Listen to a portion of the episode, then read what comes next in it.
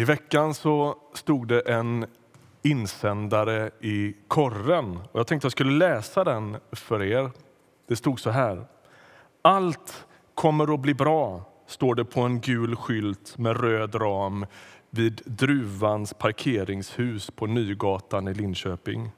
Naket tröstande i en för oss alla märkvärdig tid av oro och ovisshet. Skylten har ingen avsändare och tydligen är det ingen som tjänar pengar på det där hoppfulla löftet. Jag tar bilen och parkerar i det för tillfället surrealistiskt öde parkeringshuset bara för att en stund senare få vila i det hoppfulla löftet om att allt kommer att bli bra. Slut citat. Jag tycker att det där är en fin insändare, en varm och, och, och liksom en önskan om hopp och, och sådär. Men för mig som kristen så finns det någonting som skaver. Inte med insändaren, den är fin på många sätt, men med skylten.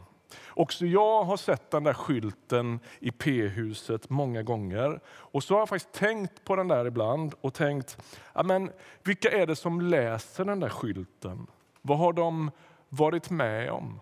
Kan man verkligen lova, oavsett hur livet ser ut, oavsett vilka omständigheter man har, att allt kommer att bli bra?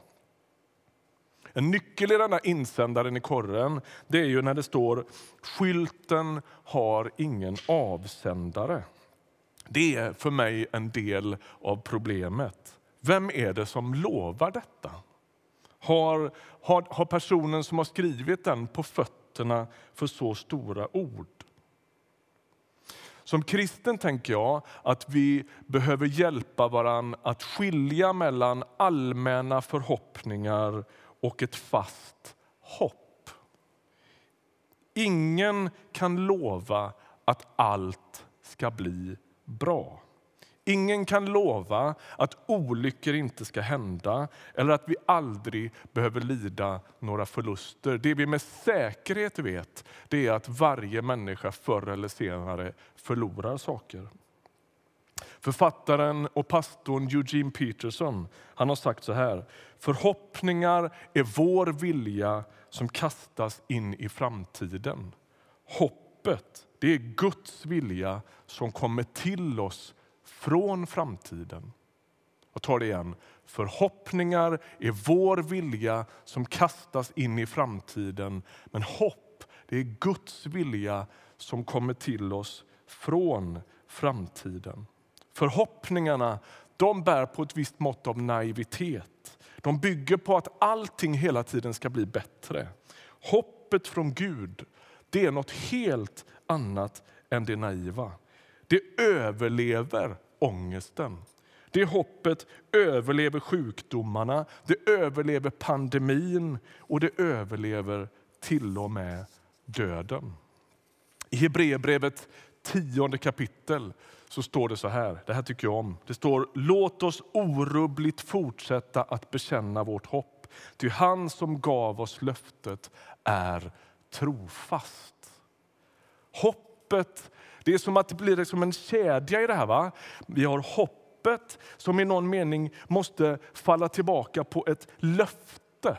Och det där löftet löftet det måste i sin tur falla tillbaka på vem som har sagt det och hur trofast den är som säger det. Kristet hopp är därför inte någon slags allmän förhoppning om att allt löser sig eller att alla ska ha det bra. Hoppet är mycket, mycket djupare rotat. Och det är först och främst rotat i två saker. För det första, Hoppet är rotat i Guds trofasthet.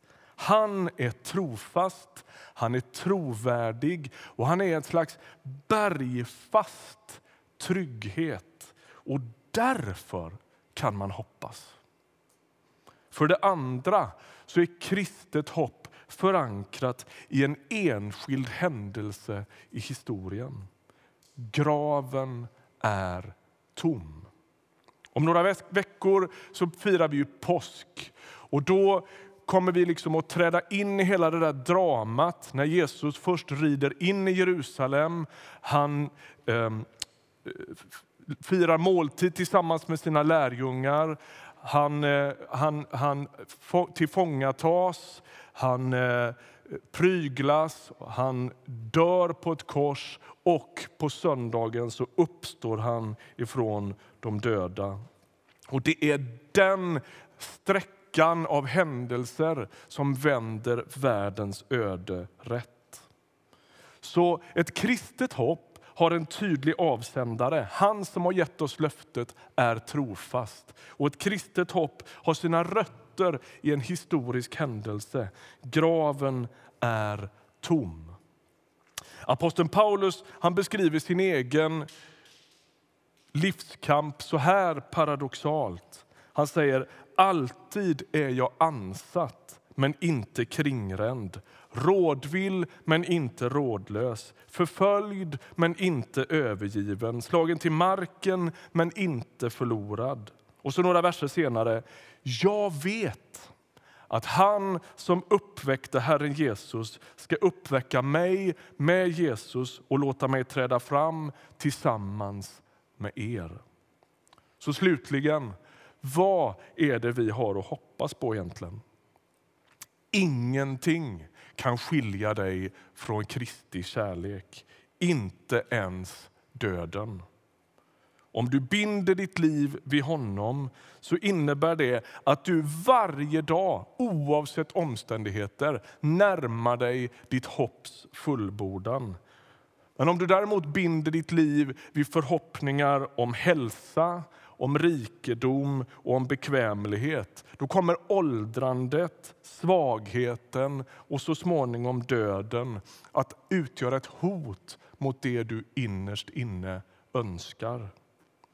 Gud välsigne dig att lämna ditt liv i hans händer som är trofast och trovärdig. Vi ber tillsammans. Jesus, vi ber om att få lägga våra liv i dina händer. Tack att du är urtidens Gud. Du är klippan som vi kan bygga våra liv på. Tack att du en dag kommer tillbaks och tack att ingenting kan skilja oss från din kärlek. Amen.